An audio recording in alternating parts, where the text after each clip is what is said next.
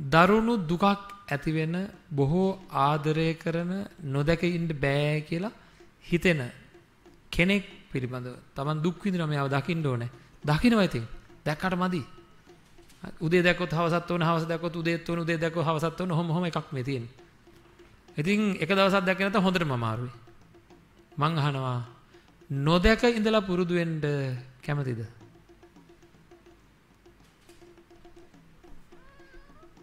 අහන්නකො හිතේ. අපි කියනවා හරි නොදක නොදැකම ඉන්න අවස්ථාවක් අර හරි ගස්සලා දෙන්නම්.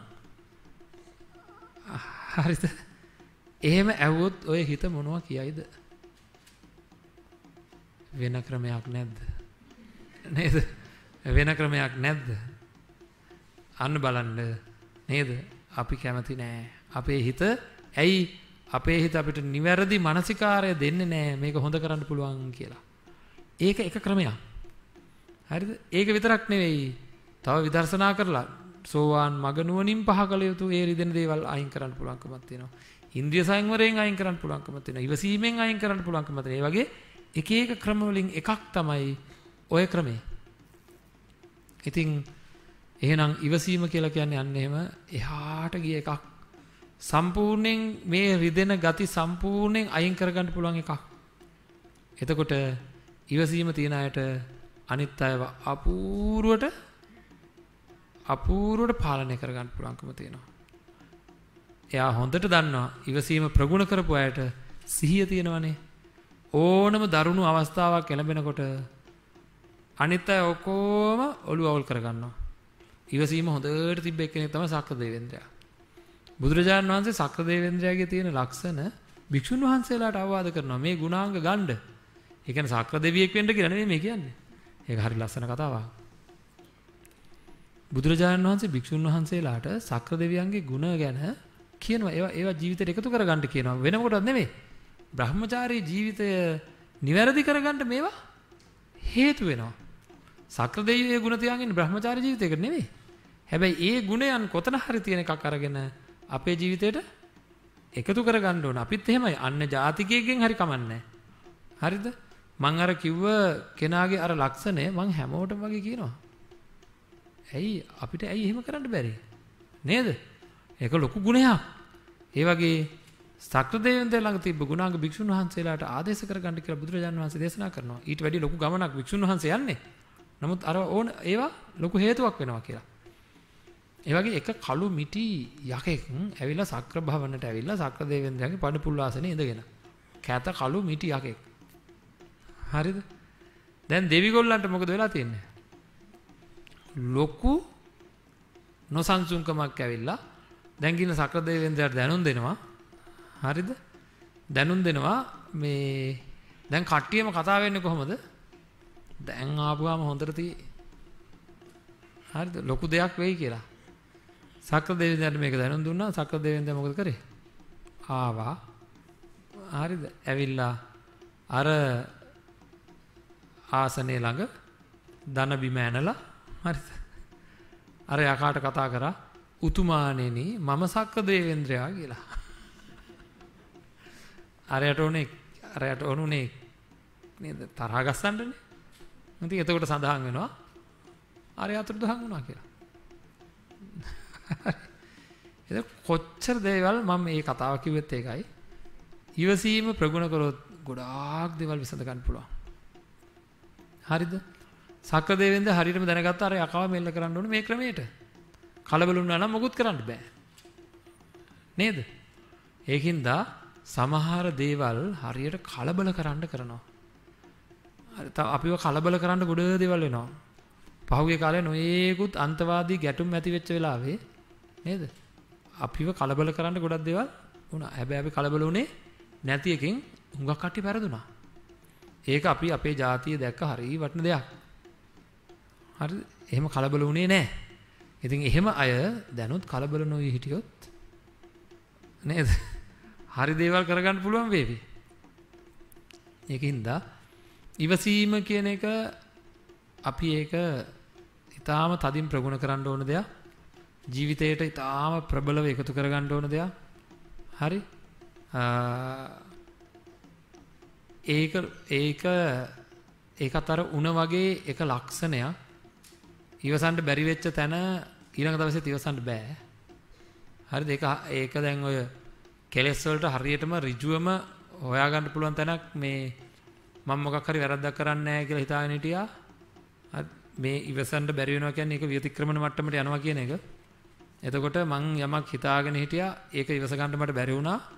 ඊට පස්සේ හදන්න ඕනේ. ඒකේ ආදීනව මෙනෙහි කරමින් මේක ඉවසීමේ තියෙන ආනිසංස මෙනෙහි කරමින් මේ හිතට ලොකු බලයක් ලබා දෙන්න ඕනේ මේ අවස්ථාවේදී ඉවසන්න. ඊට පස්සේ ආය ඒ සිද්ධියම වෙනකොට පිරික්සලා බලනවා. පිරික්සලා බලනවා ආය මට මම පෙරදුනාද කියලා.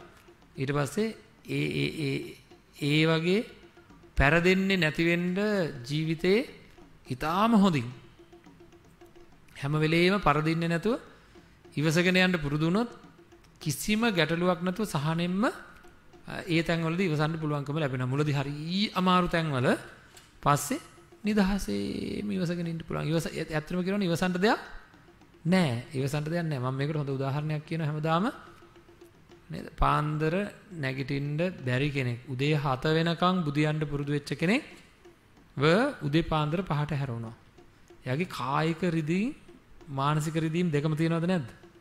දෙකම තියෙනවා. කයත් රිදෙනවා හිතත් රිදෙනවා. දෙවෙනි දවසෙත් පහට නැගිට ඕන. තුන්වෙනි දවසෙත් නැගිට ඕන. හතරවෙනි දවසෙත් නැගිට ඕන. ඉවසගෙන ඉන්න කියනවා. දවසින් දවස දවසින් දවස මේ අමාරුකම් අඩු වෙලා අඩු වෙලා දවස් 10ක් 15ක් යනකොට මොකද වෙන්නේ? මෙන්න ඉබේම හැරෙනවා. නේද? ඉබේම හැරිලා මොකද වෙන්නේ? කායික රිදීම් මානසික රිදීම් මොකුත් නැහැ. පාන්දර 4ට නැගිටිනවා කියන සිද්ධියේදී අපි මේ ලෝකෙම ඉන්න මිනිස්සු අරගෙන පාන්දර 4ට ඔක්කොටම එකවර හැරෙව කියනකොට ලංකාවටම. ලංකාවේ ඉන්න එක එක්කෙනාට එක එක්කෙනාට පාන්දර 4ට නැගිටිනවා කියන සිද්ධියේදී රිදෙන්නේ කායික රිදීම් සහ මානසික රිදීම් වෙනස්. නේද? එහෙනම් සිද්ධියේ ප්‍රශ්නයක් නෙවෙයි තියෙන්නේ. නේද? ආශ්‍රවේ ප්‍රශ්නයක් තියෙන්නේ. නේද? සිද්ධියේ ප්‍රශ්නයක් නෙවෙයි තියෙන්නේ. ඒක පුහුණු කරලා තියෙන ප්‍රමාණයේ ප්‍රශ්නයක් තියෙන්නේ.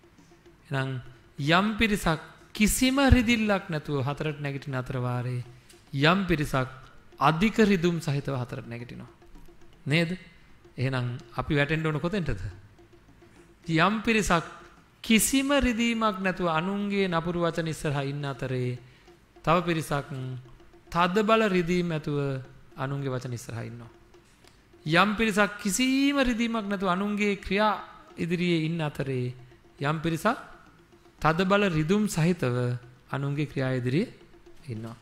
යම් පිරිසක් කිසිම රිදීමක් නැතුව හරිද කෙලෙස් ඉදිරියේ ඉන්න අතරේ තවත් පිරිසක් අධික රිදවීම් සහිතව කෙලෙස් එක්ක ඉන්නවා.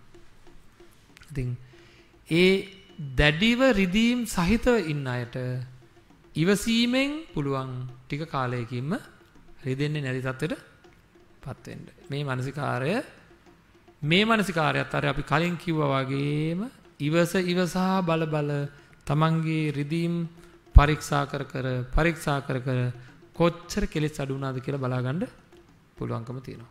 ඉතින් මෙහෙම ධර්මය තුලින් පුහුණු කරන්න ඕනේ අපේ මානසිකාරය එහෙම පුහුණු කරපු අයට තමන්ගේ ජීවිතය ඉතාම සාර්ථක කරගන්න පුළුවන් අනිත් අයව ලස්සනට මෙහෙවන්න පුළුවන්.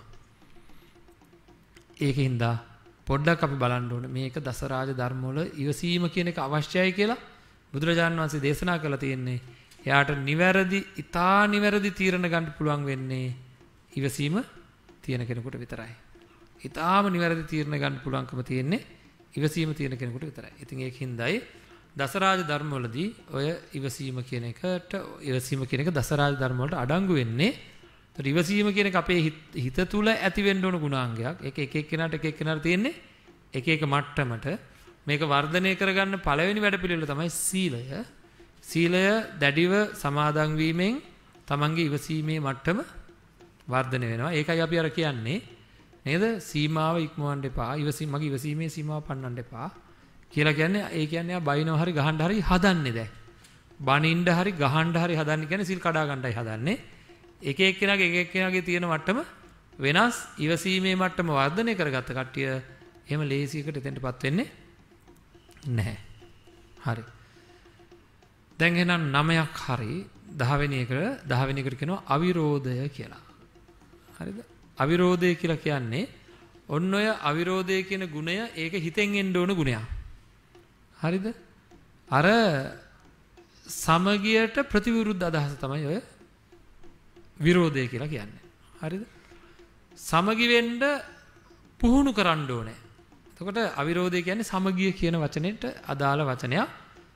නමුත් අර විරෝධය කියනකට ප්‍රතිවිරුද්ධ හැම වෙලේම හැම වෙලේම සමහර අය ඉන්නවා. පොඩ්ඩක් නැත්තම් විරුද්ධවාදී ස්වභාවයකටමයි අනිත් අය මෙහෙව ගන්න බලන්නේ. හරිද? ඒක මිනිසුන්ගේ සමහර මිනිසුන්ගේ ස්වභාවයක්. සමගි වීම සඳහා සිත්වල තල්ලුවක් නැහැ. පොඩ්ඩක්වත් සිත් පෙළඹෙන්නේ නැහැ සමහර ඇත්තන්ගේ සමගිය ජීවත් වීම සඳහා. ඉතින් ඒකින්ද ಜಾති අතර වර්ග අතර ගෙවල් අතර කුල අතර එක එක එක එක දේවල් අතර ලොකු ભેදවීම් සිද්ධ වෙනවා.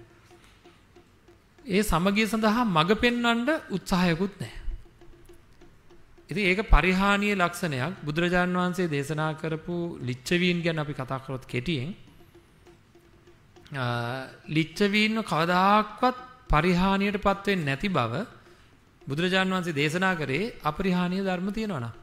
ඒතර අපරිහානීය ධර්ම වල මුලම තියෙන්නේ මොනවද? සමගිව ඒකරාශී වීම, සමගිව සාකච්ඡා කිරීම, සමගිව විසිර යාම කියන එක. එතකොට මේක නිවසක වුණත්, ආයතනයක වුණත්, රටක වුණත් මේ සමගිව ජීවත් වීම කියන එක හරිම අමාරු වැඩක්. ඒක ඉතින් ස්වභාවිකයි. ඇයි? අපි ඔක්කොම එක එක එක එක සිතුවිලි තියෙන අය. එක එක දැක්මවල් තියෙන අය. එකම සිද්ධියක් ගත්තාම විවිධ අයට එන්නේ ඒ සිද්ධිය ගැන විවිධ අදහස්. හරිද?